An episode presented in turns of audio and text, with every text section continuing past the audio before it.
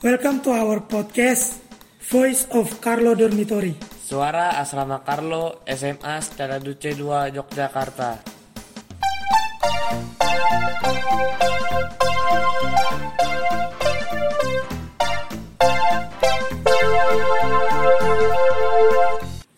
Salam Tarakanita. Satu hati, satu semangat. Tarakanita, yes. Salam jumpa kembali bersama saya Pak Beni. dan saya Pak Dias. Nah, kita kali ini akan membahas mengenai pertanyaan-pertanyaan yang sudah masuk dalam one day one question. Tuh. Nah, Pak Dias, kita mau jawab yang mana dulu Pak Dias? Eh, coba kita untuk yang pertama ini kita mau jawab pertanyaan dari eh, Galang dulu, Pak. Galang apa pertanyaannya ini ya? Apa saja aturan-aturan dalam asrama? Nah, Oke, nah ini pertanyaan yang baik sekali untuk teman-teman eh, baru maupun teman-teman yang lama ini untuk diingatkan terkait aturan-aturan asrama. Ya, teman-teman, kalau dituliskan, kalau dijelaskan seperti itu akan ada banyak sekali aturan-aturan ini. Nah, sebelum kami saya Pak Beni, Pak Beni dan saya menjelaskan eh, aturan ini sebenarnya dibuat eh, prinsipnya itu supaya teman-teman kita semua seluruh warga asrama itu bisa hidup dengan nyaman satu sama lain. Nah, ada beberapa eh, poin-poin pokok sebenarnya terkait asrama ini, Pak. iya, gimana itu? Eh, untuk yang pertama itu ya terkait tentunya eh, kehidupan bersama, apalagi sekarang ini kan masa masa-masanya menggunakan gawai, Pak ya. Iya, banyak. Nah, banyak sekali. Nah, itu nanti ada aturan terkait penggunaan alat elektronik ya tentunya HP dan laptop. Terus kemudian eh, selanjutnya ini eh, mengenai kebersihan, Pak. Nah, Oke, kebersihan. ya, kebersihan. Kebersihan ruang-ruang di asrama ya termasuk dari mulai ruang tidur, terus ruang makan, kemudian di dapur, kemudian di kamar mandi sampai WC. Nah, itu. Oke. Oke. Nah, ya teman-teman, selain ruang itu juga ada yang lain lagi, itu ruang studi. Nah, eh, kemudian eh, selanjutnya untuk aturan eh, di asrama ini juga ada kebiasaan yang disep- yang dinamakan opera. Opera itu apa? Opera itu semacam kegiatan eh, kerja bakti. Kerja baktinya kenapa sih? Eh, kerja bakti yang bentuk bersih-bersih. Kenapa kok diajak bersih-bersih dan kita itu hampir setiap hari kita bersih-bersih ya tentu saja ini kan rumah kita bersama nah supaya kita semua itu dapat hidup dengan nyaman ya mulai dari belajar tidur makan mandi itu nyaman ya perlu kita bersihkan bersama-sama itu pak ya, Oke, Eh, tampaknya aturannya banyak ya Pak Dias ya.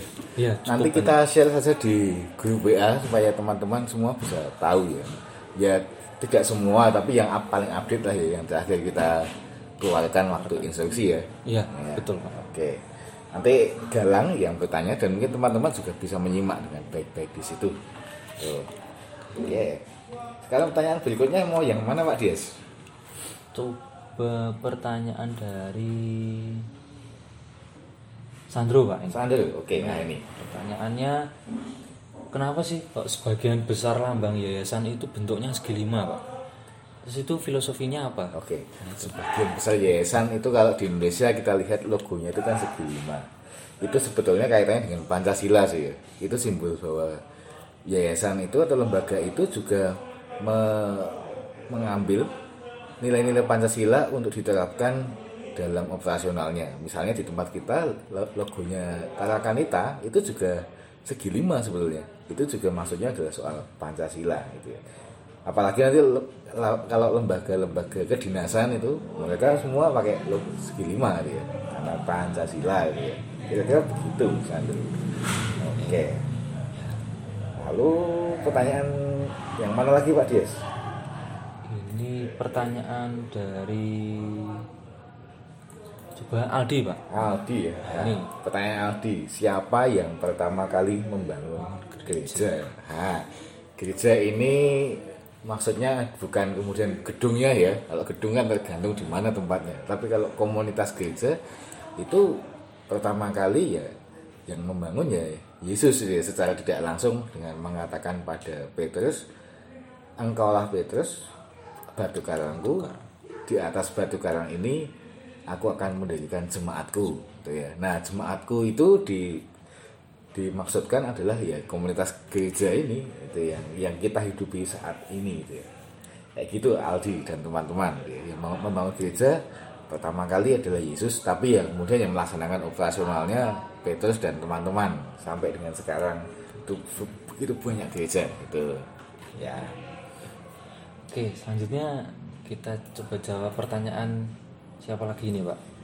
mungkin yang gampang dulu Edo nah pertanyaannya Edo ini ya ini Pak kalau makan di asrama ya itu tentunya maksudnya Pak kalau makan itu kita disiapkan atau masak sendiri gitu ya nah, gimana Pak Yes?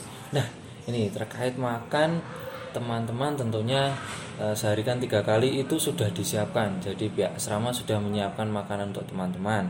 Nah, tapi bukan berarti semua jenis makanan itu sudah disiapkan. Ada satu yang perlu kita siapkan bersama-sama yaitu nasi. Nah, jadi teman-teman nanti secara gantian itu masak nasi, Pak.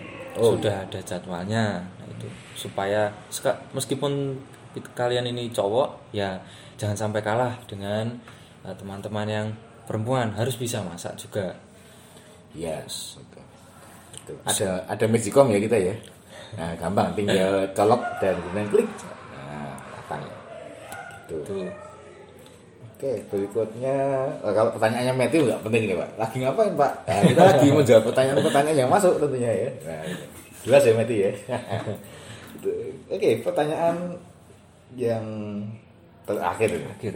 dari Yosan. Ini agak mendalam filosofis ini ya. Pak, bagaimana caranya untuk kita bisa menjadi pribadi yang mandiri dan berintegritas? Ya.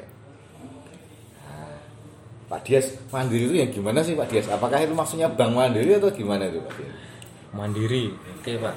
Kadang ada yang bi- eh, menyebutkan mandiri itu mandi sendiri, Pak. Oh, Iya. Terus makan makan sendiri. Aduh. Nah, Oke. Ya, eh, tentunya mandiri ini kan ada beragam eh, mungkin ad- beragam definisi lah Ya. dari beberapa orang.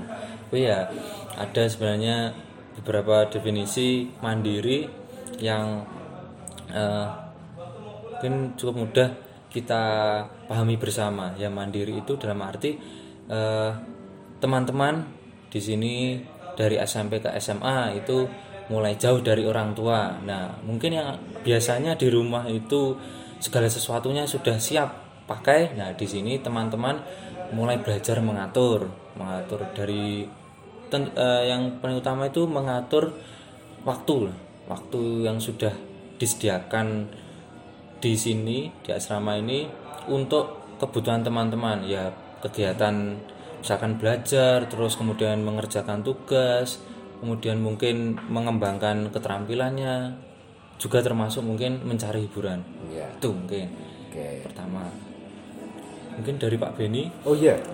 Tadi pertanyaannya Yosan itu soal mandiri dan berintegritas. Nah, integritas ini gimana ya? Mungkin kurang lebih maksudnya adalah di dalam sama dengan di luar. Artinya apa yang kita pikirkan juga sama dengan yang kita perbuat, kita tindakan. Apa yang kita rencanakan juga kita laksanakan.